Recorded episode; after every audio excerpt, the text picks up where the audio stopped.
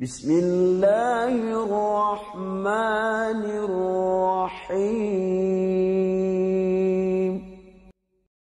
Rasulullah SAW bersabda dalam hadis mulia riwayat Imam Ahmad, bila seorang wanita menjaga solat lima waktunya, jadi disebutkan solat sunnah nih, solat lima waktu, berpuasa Ramadan, wajib, nggak disebutkan puasa Senin Kamis, puasa sunnah, dan mentaati suaminya, padahal yang dibolehkan dalam agama.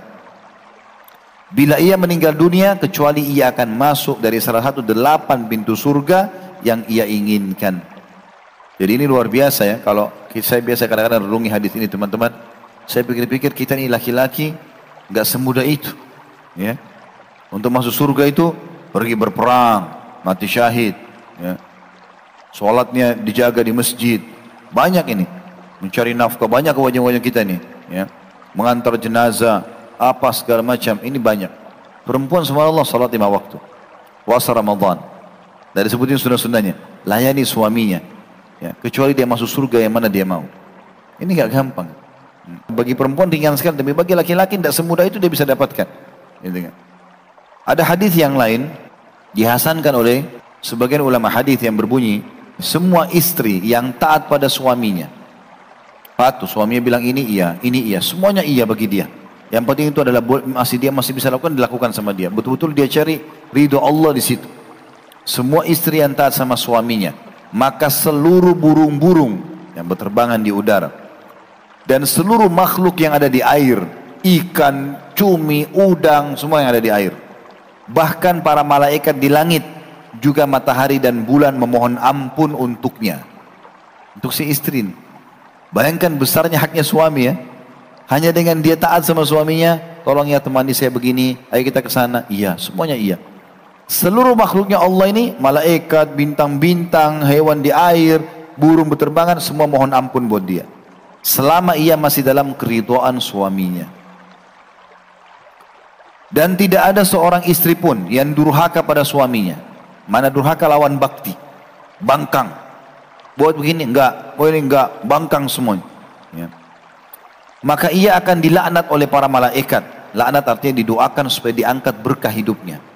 Makanya istri yang ngambek sama suaminya beda dengan suami yang ngambek sama istri ya. Kalau suami yang sedang ngambek sama istri, kita dibolehkan menghajirnya.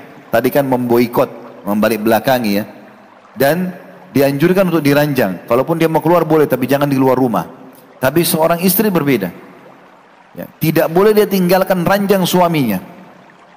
Karena di kapan dia tinggalkan, suaminya bisa lebih marah dari dia. Jadi beda sikap dalam syariat menjelaskan masalah itu. Makna dilaknat diangkat berkah hidup. Kalau ada seorang istri ngambek sama suami, apalagi dia salah, dia pindah ranjang atau dia pindah kamar, walaupun kamar itu lebih leks, tetap nggak bisa tidur.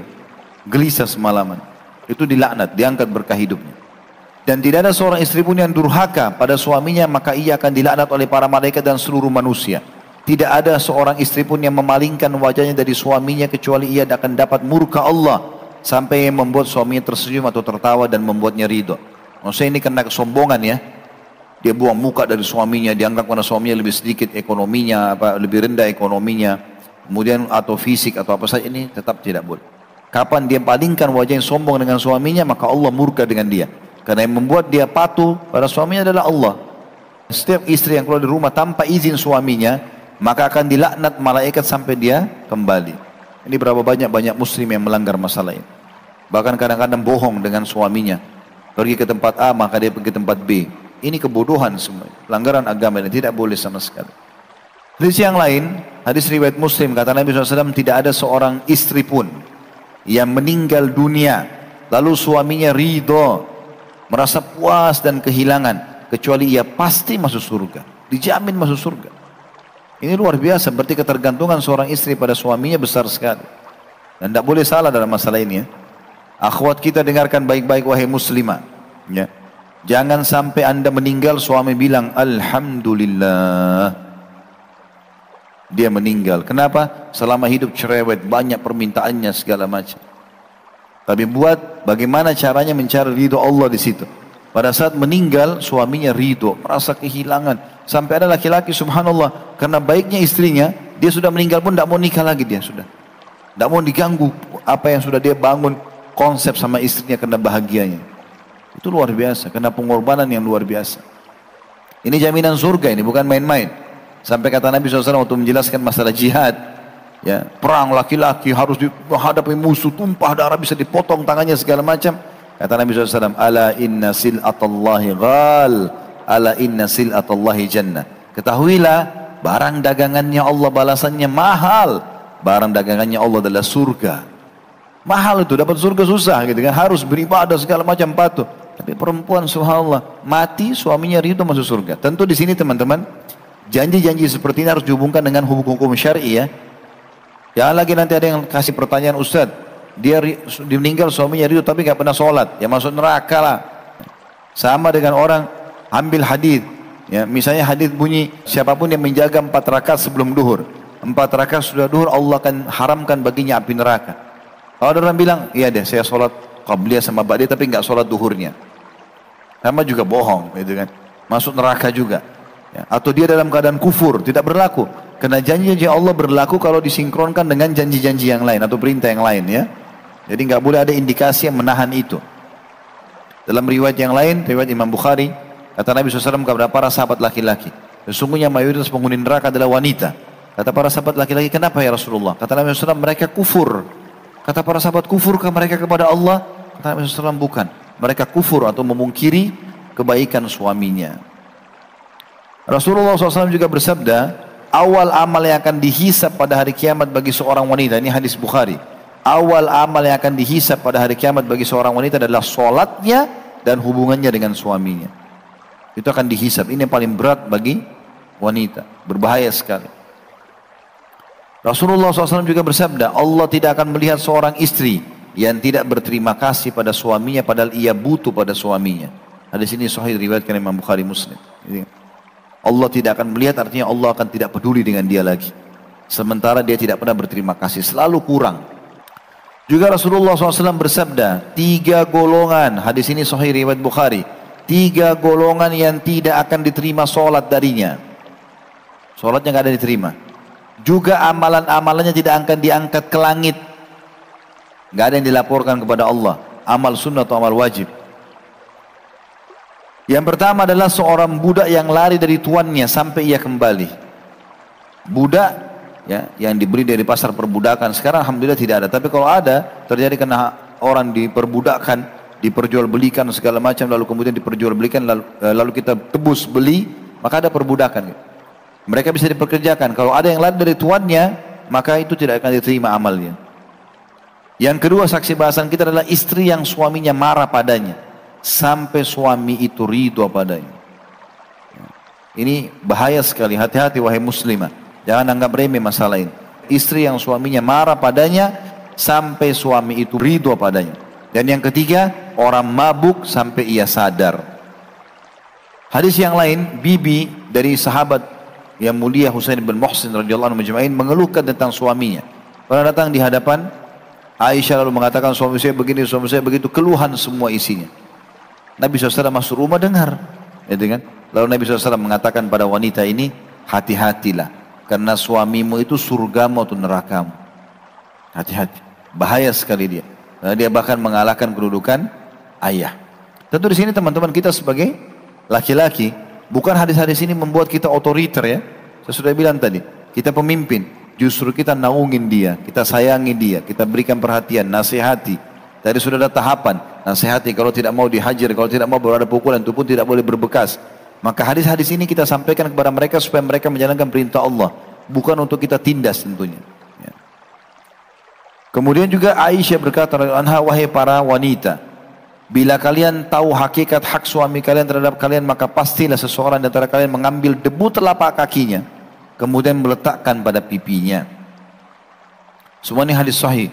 Kemudian hadis yang lainnya juga kata Nabi SAW, wanita dari kalian menjadi penghuni surga ialah. Wanita yang pasti masuk surga ialah. Bukan yang disebut di sini sholatnya banyak, puasanya banyak, zikirnya banyak. Yang Allah sebutkan yang penuh dengan kasih sayang.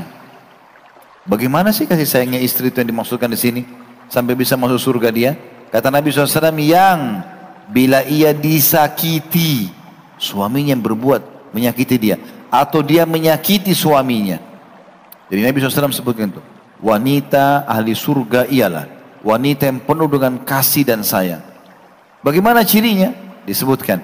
Ialah yang wanita yang kalau dia disakiti atau menyakiti suaminya, ia yang mendatangi suaminya dan ia meletakkan tangannya di atas tangan suaminya sambil berkata, sesungguhnya aku tidak bisa tidur sampai engkau ridho kepadaku.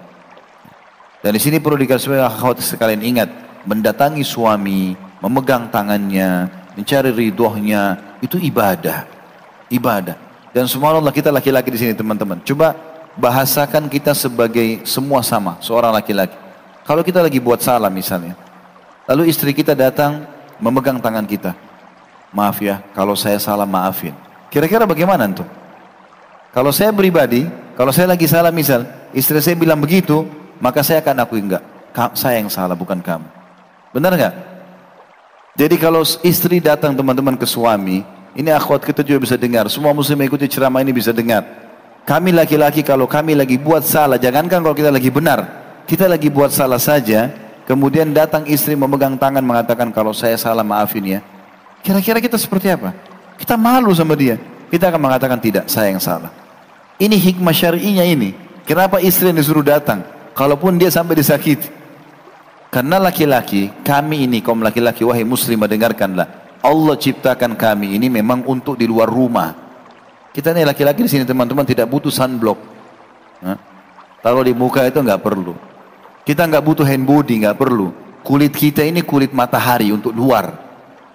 Kita ngantor jenazah, sholat berjemaah di masjid, jihad. Laki-laki semua di luar. Kena hujan, kena panas biasa.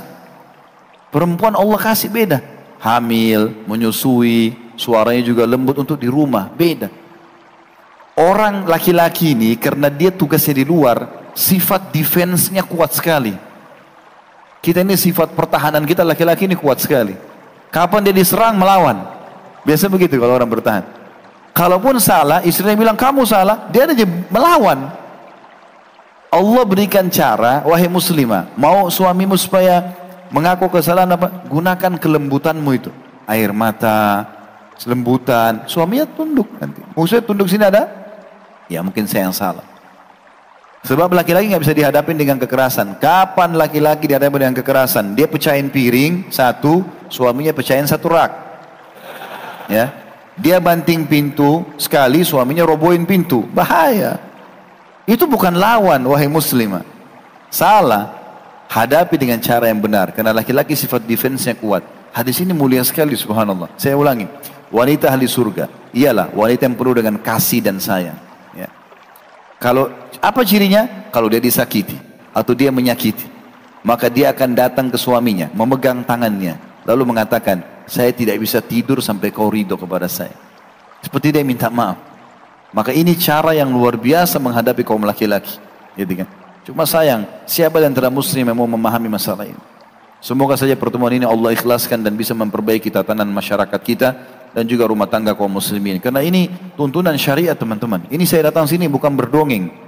Ini syariat, ini dalil-dalil syar'i. Ilmu untuk didapatkan dan diamalkan. Fahami masalah itu teman-teman. Kita bukan meramaikan majlis loh. Fahami, renungi dalil-dalil dan terapkan. Ini panduan hidup, ini bukan main-main.